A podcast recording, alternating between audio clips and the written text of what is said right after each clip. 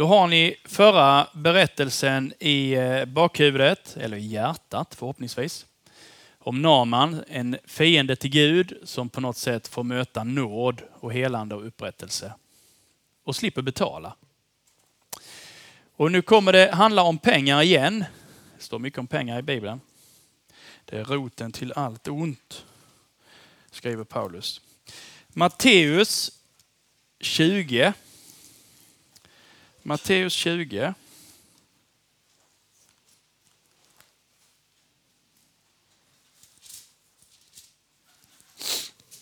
Jesus berättar en liknelse. Vingård, vingårdsarbetarnas lön, står det som rubrik i min bibel här. Det står, Jesus säger så här. Ty himmelriket är likt en husbonde. Jag ska bara säga det med, himmelriket skriver alltid Matteus. Man kan säga Guds rike också. Är ni med? Guds rike, det som, all, det som Gud står för. Allt det som Gud står för. Där Gud är kung och det som är hans rike. Himmelriket är likt en husbonde som tidigt på morgonen gick ut för att leja arbetat sin vingård. Han kom överens med dem om en dagslön på en denar och skickade dem till sin vingård. I tredje timmen gick han ut och fick se andra stå arbetslösa på torget, alltså klockan nio på förmiddagen. Han sa till dem, gå nu också till min, till min vingård. Gå ni också till min vingård. Jag ska ge er en rättvis lön. Och de gick. Vid sjätte och vid nionde timmen gick han ut igen och gjorde likadant. Och vid elfte timmen gick han ut och fann några andra stå där. Och han sa till dem, varför står ni här hela dagen arbetslösa? De svarade honom, därför att ingen har lejt oss. Han sa då till dem, gå till min vingård ni också. På kvällen sa vingårdens herre till sin förvaltare, kalla på arbetarna och ge dem deras lön, men börja med de sista och sluta med de första. De som har blivit lejda vid elfte timmen kom då fram och fick var sin denar. När sedan de första kom trodde de att de skulle få mer, men också de fick en denar. När de fick den klagade de på husbonden och sa, de där som kom sist har gjort en timme och du har jämställt dem med oss som har stått ut med dagens slit och hetta. Han svarade en av dem, min vän, jag gör dig ingen orätt. Kommer du inte överens med mig om en denar? Ta det som är ditt och gå, men åt den siste vill jag ge lika mycket som åt dig. Får jag inte göra som jag vill med det som är mitt? Eller ser du med onda ögon på att jag är så god? Så skall de sista bli de första och de första bli de sista. Detta är en liknelse som Jesus berättar för att han vill göra Guds nåd mot oss eh, lite tydligare. Och då kan man ju tycka på ett sätt att det är ju ganska orättvist. Den som börjar jobba klockan sex på morgonen och jobbar ända till sex på kvällen får lika mycket lön som den som börjar jobba klockan 17 och som bara jobbar en timme egentligen. De får exakt samma lön. Och det är ju inte konstigt att de som har varit där sedan morgonen då klockan sex innan det var ljust, de blir ju ganska provocerade av det. Varför får de lika mycket som vi? Vi har gjort så enormt mycket mer. Och Jesus får liksom säga att jag har egentligen inte gjort något orätt eller fel mot dig. Vi kom ju överens om en denar. En denar är ju, var ju ofta en dagslön. Och då och det kan han inte protestera mot. Men samtidigt så upplever ju då de här personerna som börjar så tidigt att det här är ju en väldig orättvisa. Och vi ska fundera lite eh, på de här grejerna. Om vi tänker oss att himmelriket eller Guds rike, om vi tänker så här, Guds rikets orättvisa. Nu kan det låta som, men finns det en orättvisa i Guds rike? Så här. Men om vi tänker oss den huvudrubriken, Guds rikes orättvisa. Så första grejen vi funderar på då är att Guds rikes orättvisa är orättvis därför att den sätter nåden och barmhärtigheten före rättvisan. Alltså när vi läste den här berättelsen så tänker vi, är det rättvist? Nej, tänker vi så. Nej. Men det finns en orättvisa då, blir slutsatsen, i Guds rike. Och den orättvisan, vad gör den? Jo, den sätter barmhärtigheten före rättvisan som vi tänker den. Hela berättelsen är en liknelse om Guds nåd. Och det är enda möjligheten in i Guds rike. Enda möjligheten in i Guds rike för en människa är att gå via nåden. Vi pratade ju förra passet om att det här med prestation eller betalning, det är ingen väg in i Guds rike. Utan vägen in i Guds rike går genom att det är en gåva. Att det är nåd. För om vi tänker oss så här då, men om Gud hade varit rättvis då? Nu låter det här som att, säger jag att Gud är orättvis? Nej, det säger jag inte. Men vi, vi ponerar, vi tänker oss nu att det finns en orättvisa i Guds rike för vi har läst den här texten. De får ju lika lön, men de gör ju inte samma grejer, eller lika mycket. Om Gud skulle vara rättvis, för det säger ju den här personen på slutet, du är inte rättvis, jag har fått, lika, jag har fått samma lön som han som kom elva timmar senare. Om då Gud hade sagt, okej, okay, då ska jag vara rättvis. Som du tänker dig rättvisa. Om vi då förstår att det är en bild av frälsningen så inser vi ju att ska Gud behandla mig på ett rättvist sätt utifrån vad jag förtjänar, utifrån vad jag har Ska han belöna mig utifrån vad jag har gjort eller presterat? Eller utifrån vad jag har arbetat? Är ni med? Nu tänker jag i, i relationen till Gud. Det handlar ju om Guds rike. Vem får vara en del i Guds rike är ju poängen här. Om Gud bara skulle ta in de människor som har presterat sig fram eller arbetat sig fram eh, till Guds rike så kommer ju ingen in. Gud gav ju lagen, den är god. Så här vill jag att ni lever som människor, för så här har jag skapat er. Va? Men lagen är ingen frälsningsväg för människan, för människan är så skadad av spetälska. Är ni med? Alltså lagen är god, men den funkar inte på oss människor därför att vi är spetälska. Alltså vi är syndare, förstår ni? När lagen säger till mig, du ska inte ha begär, så uppfylls jag av väldigt många begär. Lagen kan inte göra en människa bättre. Sveriges folk blir inte bättre moraliskt sett genom att skärpa lagen. Är ni med? Inget folk blir bättre av att lagen blir eh, tydligare eller skarpare. Om man i riksdagen hade bestämt så här, det är ju riksdagen som stiftar lagar. Om man hade bestämt bland annat, om man hade sagt så här. Det är 800 kronor i böter för den svensk som tänker en dålig tanke om någon annan människa. Nu har vi en bra lag här. Det kommer inte att vara någon svensk som vill betala 800 kronor bara liksom för att tänka en ond tanke. Det förbättrar ju inte vårt tankeliv. Skulle Gud behandla oss rättvist? Ja, vi vet egentligen vad Gud vill. Vad är Guds vilja? Jo, det har vi i hans lag. Men vi kan inte göra den som det är tänkt. Därför kan Gud inte behandla oss rättvist på det sättet som vi tänker som människor nu. Alltså Gud är ju rättvis, men jag kommer till det. Men Gud är lite orättvis, är ju poängen här på ett sätt, ur vårt perspektiv. För att vi människor ska få bli, kunna få bli en del i Guds rike.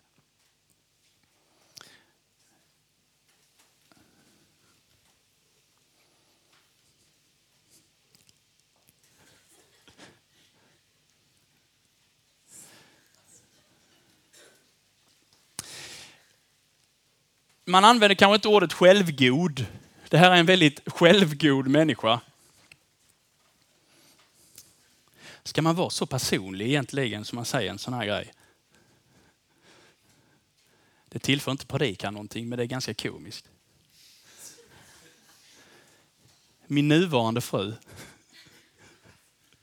hon sa så här, vi har känt varandra rätt så länge i och för sig, i omgångar så här, för hon har bott på andra ställen. Så. Men hon sa så här till mig någon gång. I början tyckte jag du var självgod och dryg. Underbart. Så kan man fråga henne ibland, tycker du det fortfarande? Så, ja.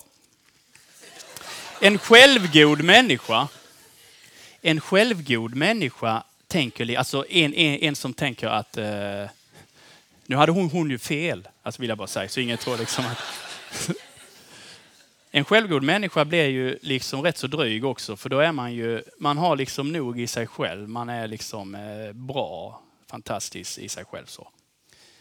Det varnas vi ofta för i Guds rike. Fariséerna och de skriftlärda är rätt så självgoda människor runt Jesus. Så. de menar att vi har egentligen det vi behöver. Vi behöver inte någon sån här låtsas Messias som Jesus som kommer och ger frälsning till publikaner och syndare. Så det är inget för oss. Vi klarar oss liksom ändå. Då är man liksom självgod. Så. En självgod människa tänker nog mycket på rättvisa.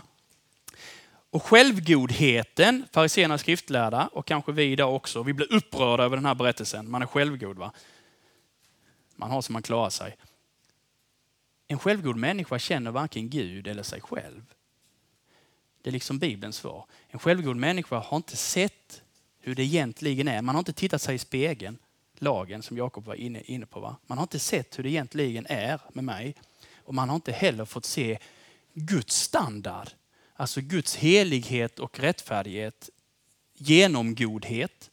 Skulle Gud vara rättvis mot mig utifrån prestation och så får jag lön? lagens väg. Va? Skulle Gud vara rättvis så är det ju dubbelrökt. Tack gode Gud att du inte är rättvis mot mig. Alltså är ni med på den tanken? Den bönen kan man ju be. Sen vill jag säga att det finns ju en, Gud är inte omoraliskt orättvis, utan Gud löser det här problemet som vi har. Hur ska vi bli en del i Guds rike? Det löser han på ett rättfärdigt sätt. Alltså han gör inget fel eller omoraliskt. Det är den första. I Guds rike så är det, kan det tyckas att det är en orättvisa. Därför att barmhärtigheten går före rättvisan. Alltså nåden erbjuds människan i första hand. Sen när Jesus kommer tillbaks en andra gång, den sista dagen, den yttersta dagen och håller dom, då kommer också rättvisa att skipas. Då kommer han att hålla dom, allting kommer att vändas rätt. Och det är där vi kristna då får möta att lever vi i tro på Jesus så tar ju Jesus den domen istället för att den ska drabba oss. På ett rättvis, rättfärdigt sätt, ett moraliskt riktigt sätt. Mm. Att vara kristen har ingenting med rättvisa att göra egentligen. Utan det handlar om, om nåd och barmhärtighet. Det är den första grejen. Den andra grejen, Guds rikes orättvisa, om vi tänker så. Den är full av nåd för den sätter nåden före meriterna och prestationen. Här är meriter och prestationer för de olika arbetarna. Men Gud sätter nåden och barmhärtigheten före. Alltså ser du med onda ögon på att jag är så god skriver han ju här. Jag tycker det är gött med så där med.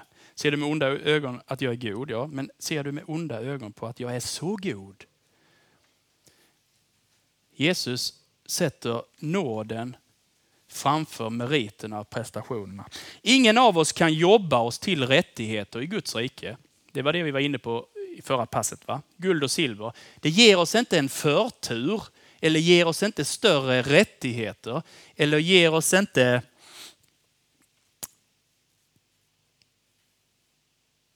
ger oss inte en enklare väg i Guds rike.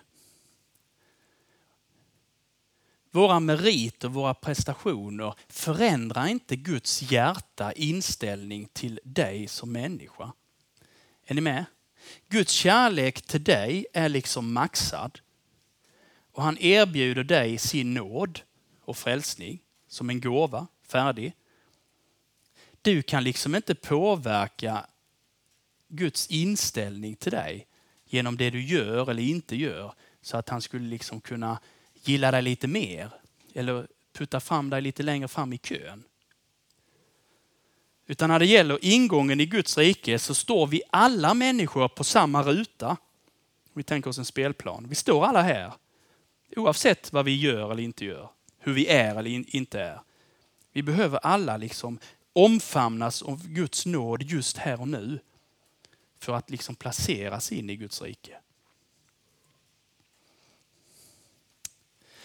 Den som arbetar mest förväntar sig att få mer i lön. Det är väl inte så jättekonstigt. Det är fullt naturligt. Arbetar mycket, alltså eh, lön efter prestation. Det genomsyrar ju hela vårt samhälle. Det genomsyrar också lagens väg, som Jakob var inne på. Gör vi detta så får vi detta. Det är liksom det naturliga sättet att tänka som människa. Men i Guds rike mäter man ju inte människans eller vårt värde i det vi orkar prestera. Utan som jag sa, Guds kärlek, Guds blick och inställning på oss, Guds syn på oss är liksom maxad. Och den kan vi liksom inte förminska eller förstora genom något som vi gör eller inte gör. Därför är nåden ganska svår. Det här är ju liknelsen som handlar om nåd.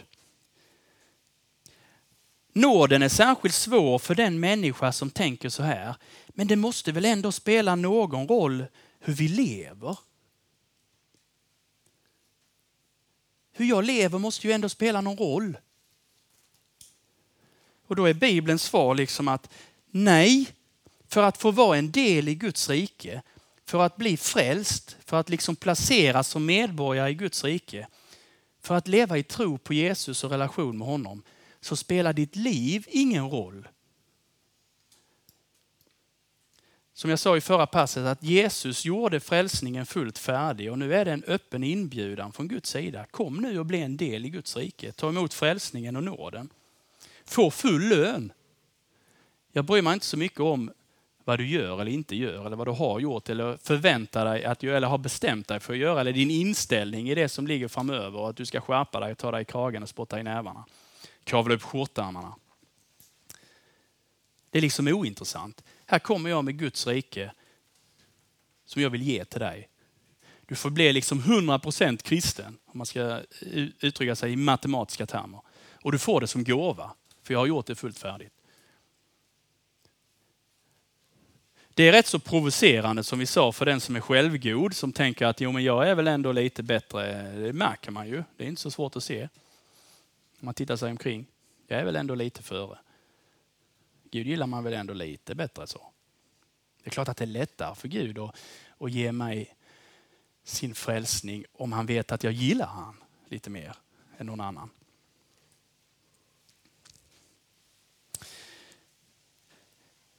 Tro är inte att lyckas och belönas. Det är rätt så viktigt.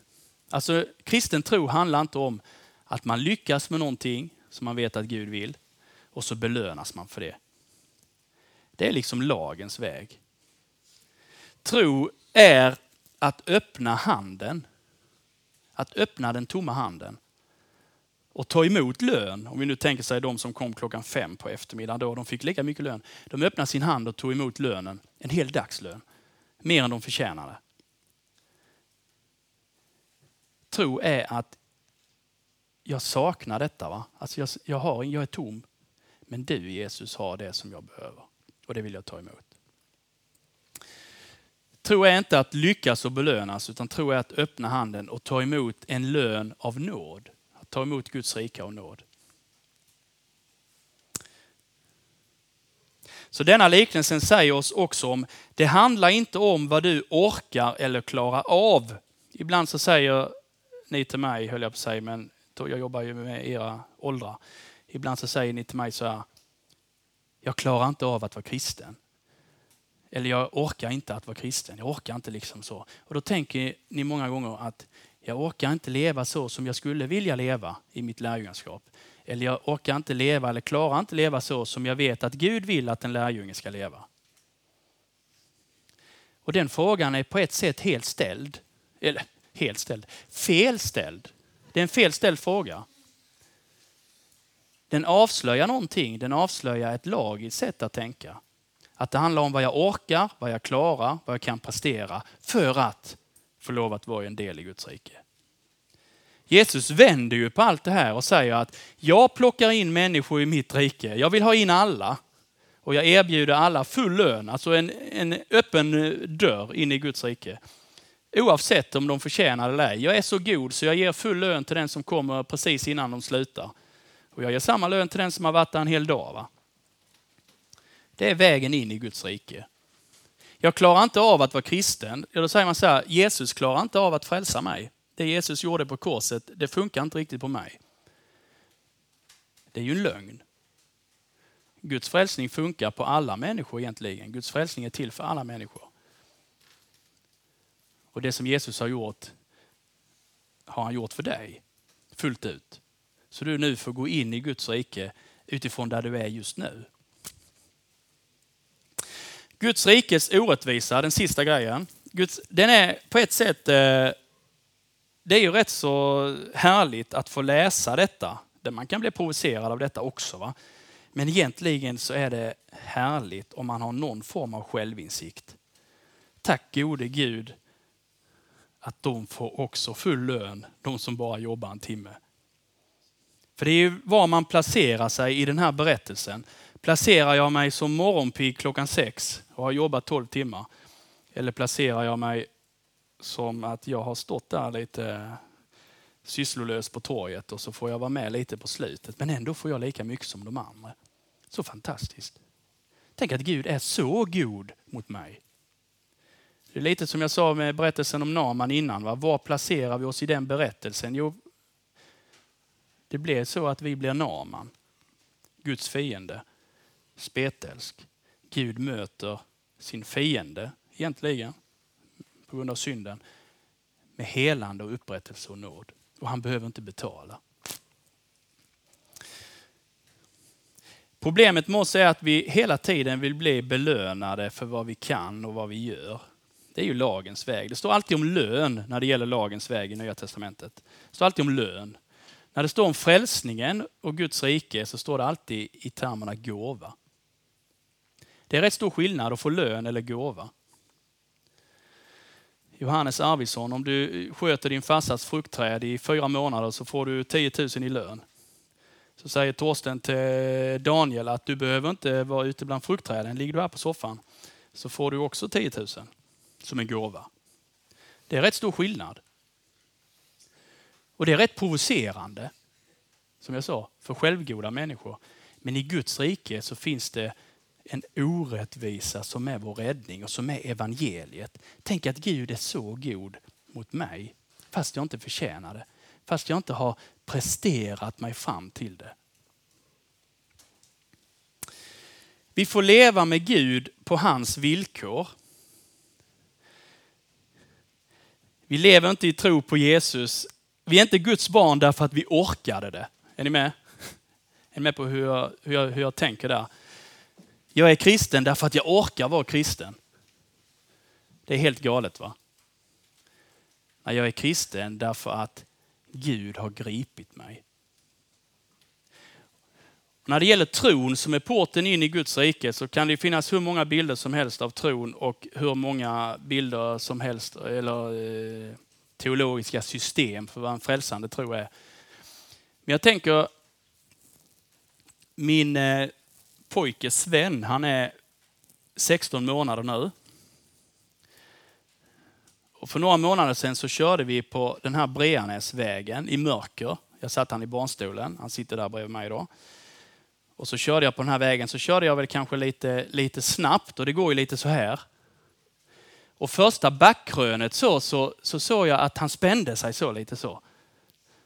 Ja, då tänkte jag då, äh, lite, lite, kanske lite rädd här då. Så kom nästa backkrök då. Så, så gjorde han, så sitter han ju så då ju. Så sitter han ju om jag kör där. Så sträckte han ut handen lite så då. Så har han ju rätt så små fingrar och händer och så. Så gjorde jag lite så. Så tog han, tog han om mitt pekfinger så. Och så la jag min hand ovanpå hans hand så. Så satt vi lite så då. Han, höll, han, han, han grep liksom om pekfingret och jag grep om hans hand så. Och då så var han lugn sen i de andra backarna. Sen har det blivit lite en vana ibland när han ska sova eller så i barnstolen så kommer handen lite så. Och så lägger jag min hand så när jag kör. Så. Och så griper han den och så griper jag liksom om hans hand så. Och tänker jag, det är ju en fantastisk bild av tron. Evangeliet om Jesus Kristus handlar om att Gud kommer ner och griper oss egentligen. Och det vi gör med vår tro egentligen, det är att vi griper lite vi griper lite om det greppet som egentligen redan har greppat oss. Är ni med? Om min tro är svag eller liten, stark eller eh, halvsur så griper liksom Guds trohet, Guds frälsning, Guds nåd, griper liksom över hela det lilla greppet som jag då försöker att hålla i Gud. Va?